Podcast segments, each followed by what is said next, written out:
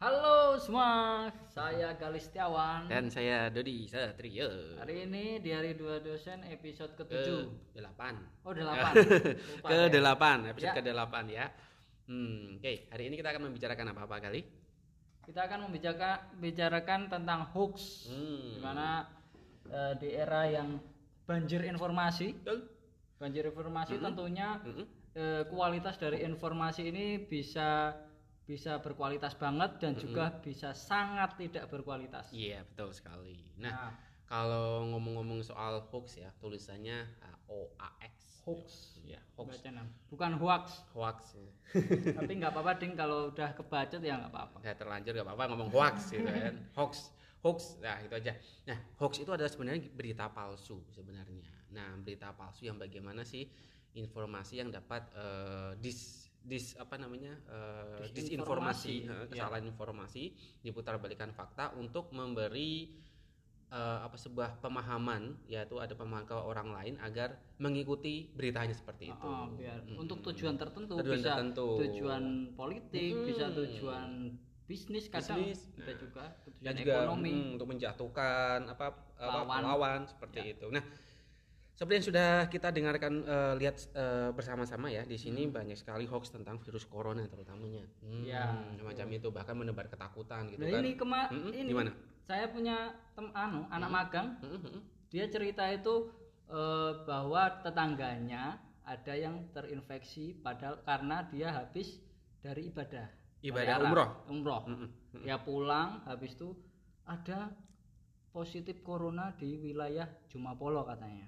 Hmm. Nah, ini sangat tidak Eh, sangat tidak benar. sangat tidak benar ya. Ya. Jangan, jangan sangat membahayakan. Dan ini orang yang membuat hoax ini tujuannya untuk apa sih kalau nggak iseng dan juga dia tuh nggak sadar kah atau yang membuatnya tuh hoax ini bakal mengakibatkan suatu kefatalan. Contohnya semacam ini orang yang di Solo kemarin tuh ya eh, bunuh diri ya orang Korea itu bunuh diri Iya. karena eh, menerima informasi bahwa merasa dirinya terkena virus corona akhirnya dia bunuh diri. Itu sangat fatal Hmm. sekali dari ke kebohongan ini bisa menghilangkan nyawa ya, Pak. ya, Hmm. bahaya sekali.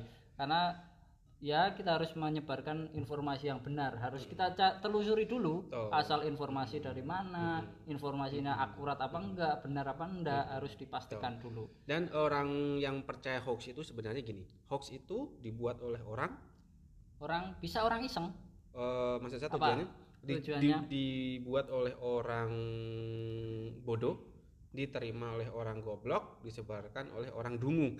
Nah, ya, tapi tapi kadang juga walaupun udah berpendidikan tinggi tapi masih termakan hoax. Itulah kehebatan dari sebuah narasi. narasi narasinya akurat eh akurat narasinya sangat wah clickbait ya pak Clickbait. Nah ini nih, kita ngomong soal clickbait. Jadi semacam ini, Eh, Indonesia ini penyakitnya di sini adalah malas membaca. Jadi dia Hmm. cuma membaca judulnya aja, tahu-tahu udah eh eh menilai dari eh menilai dari Padahal eh. ini- baca dulu, woi, baca dulu, Baca woi, dulu. Ya, gitu loh. karena memang nggak bisa dipungkiri pak Eh, minat baca kita kan di Indonesia ini sangat rendah Mm-mm. nah strategi dari dari berita online atau dari pem- pembuat blog itu membuat judul yang terpotong. terpotong Mm-mm. Clickbait gitu. Clickbait, nah. yang penting bisa masuk dulu lah. As- walaupun judulnya asal-asalan atau nggak nyambung sama Iya, sekali. Betul sekali. Nah, bahkan banyak yang marah-marah kan artis-artis itu. Gara-gara bahasnya apa tapi judulnya, Judulnya apa gitu kan. Nah, itulah ya oke lah bisnis-bisnis clickbait boleh lah, boleh lah, tapi ya janganlah Tapi memberikan jangan- menyesatkan Ya, benar, jangan seperti terlalu itu. menyesatkan. Ya cari uang tuh yang yang yang beres-beres aja lah. Yang benar, yang Yang lurus bener-bener lah. aja lah ya jangan cari uang tapi malah menyesatkan opini orang gitu kan Nah, gitu pokoknya setiap ada informasi dari mana pun Mm-mm. harus ditelusuri dulu Telusuri dari mana. dulu. Hmm. Kalau dari eh, dari blogspot blogspot ya ya, ya Hmm, bisa kita benar, bisa benar, tapi ya, ya, kita tetap harus eh, cari yang informasi yang ada redaksionalnya pak. Betul, Jadi ada ada filter-filternya gitu, petugas-petugas yang memfilter berita-berita yang telah dibuat itu. Ya. Bahkan kita pun bisa buat berita hoax kita berdua. Contohnya di sosial media contohnya kita buat blog ya WordPress atau blogspot. Udah ketik aja berita asal-asalan gini-gini. Dah orang pada percaya dah di share udah selesai. Oh beritanya gini gini gini Wah, gini langsung oh nah ini paling paling bahayanya ini orang yang baru mengenal media sosial Ya. langsung buka media sosial gini-gini langsung percaya. Nah itu. Seharusnya ini ada kayak kayak ini ya apa kayak kuliah apa pembelajaran agar kita tuh harus paham dulu gitu loh nggak asal oh ini diserap informasi kayak gini langsung diserap diserap dan percaya gitu kan karena memang ini eranya udah era yang banjir informasi Banjir informasi itu bisa diakses di mana pun jadi tentunya siapa pun juga bisa membuat informasi itu yang Informasi, belum tentu iya. benar belum tentu Itu, Pak. benar. Nah, tapi nanti ada orang yang ah kelamaan lah, ah kelamaan lah langsung nggak percaya gini kan. Nah, iya bahkan sekarang ini paling berbahayanya itu adalah untuk menguatkan suatu hoax. Ya. Orang tuh ber- berdalih dengan menggunakan tameng agama. Hmm. Nah, ini yang paling itu susah. bahaya itu malah merusak Ya, contohnya begini, Pak. Contohnya Ya. begini. Ada eh, website yang domainnya tentang bla bla bla bla Islam, bla bla bla apa gitu kan. Nah, tahu-tahu di situ isinya tentang untuk menjatuhkan untuk apa. Nah, orang kan yang paling langsung percaya aja kan dia berdalih dengan menggunakan Hmm. Kita- agama. kita coba mengutip Gusmus ya apa pun kalau kalau apa isinya itu tidak menyenangkan hati Ah. Itu ya jangan langsung dipercaya lah Ya. atau kalau kita ngikutin kajian tapi kok eh, isinya kebencian ya berarti ada yang salah Ada yang salah. ada yang salah yang Pastikan. jelas eh, dalam ajaran agama Islam Ya, itu tidak mengajarkan sesuatu untuk mengajak yang menghasut. Menghasut, Yang pertama, yang kedua. benci membenci. Ketiga, mengajarkan untuk kita untuk malah dendam ya gitu. Padahal kita semua adalah manusia, walaupun jalurnya adalah yang berbeda-beda Mm-mm. seperti itu.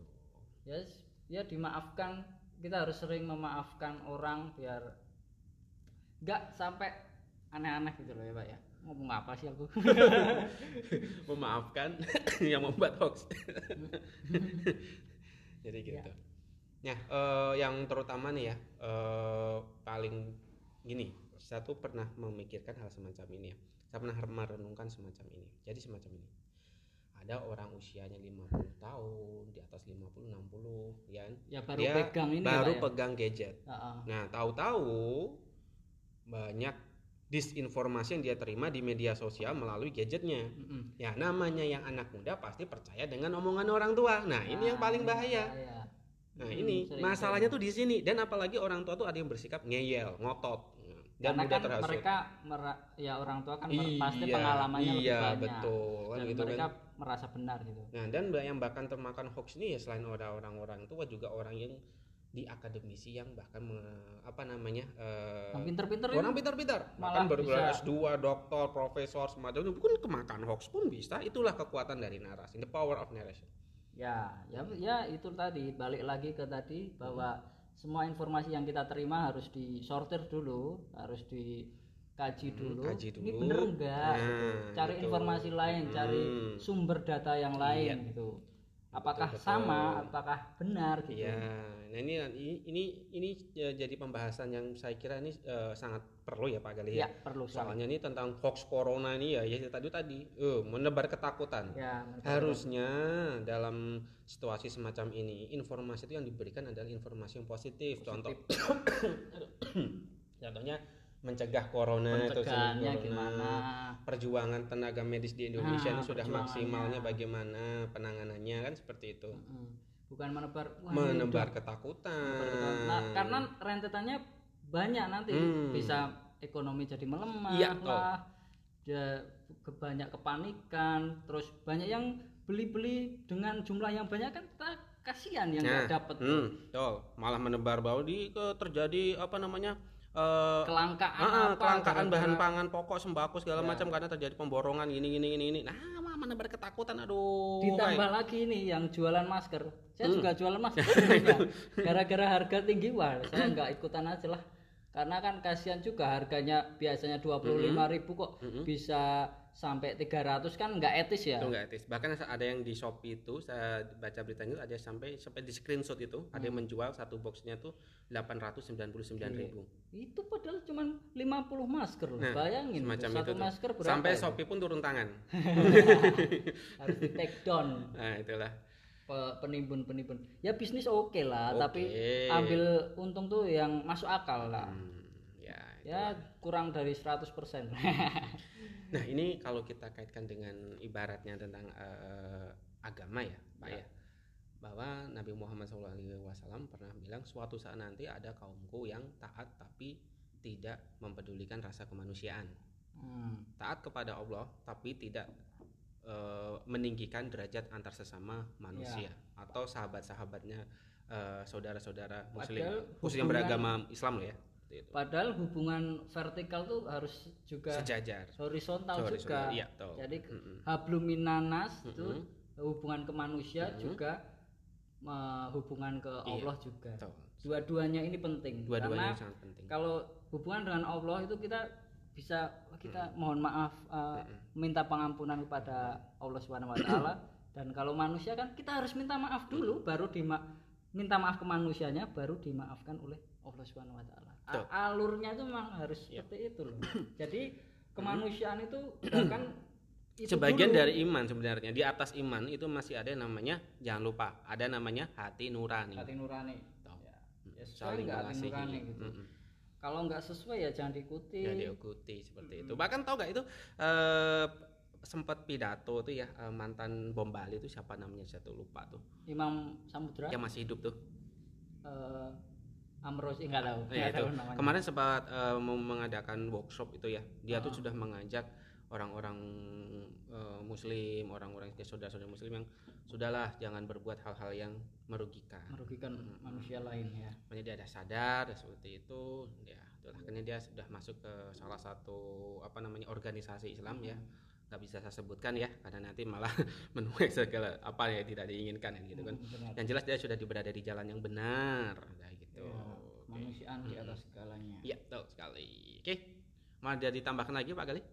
Oke ya, yang penting setiap informasi yang diterima hmm. disortir dulu. Yeah, kalau oh. sumber berita ya berita hmm. yang ada redaksionalnya, yang akurat, akurat, hmm. ada tim benar, sorter, sortirnya, hmm. tim yang uh, menilai hmm. dari postingannya itu. Iya, gitu. Hmm. Oke, cara saya itu aja lah.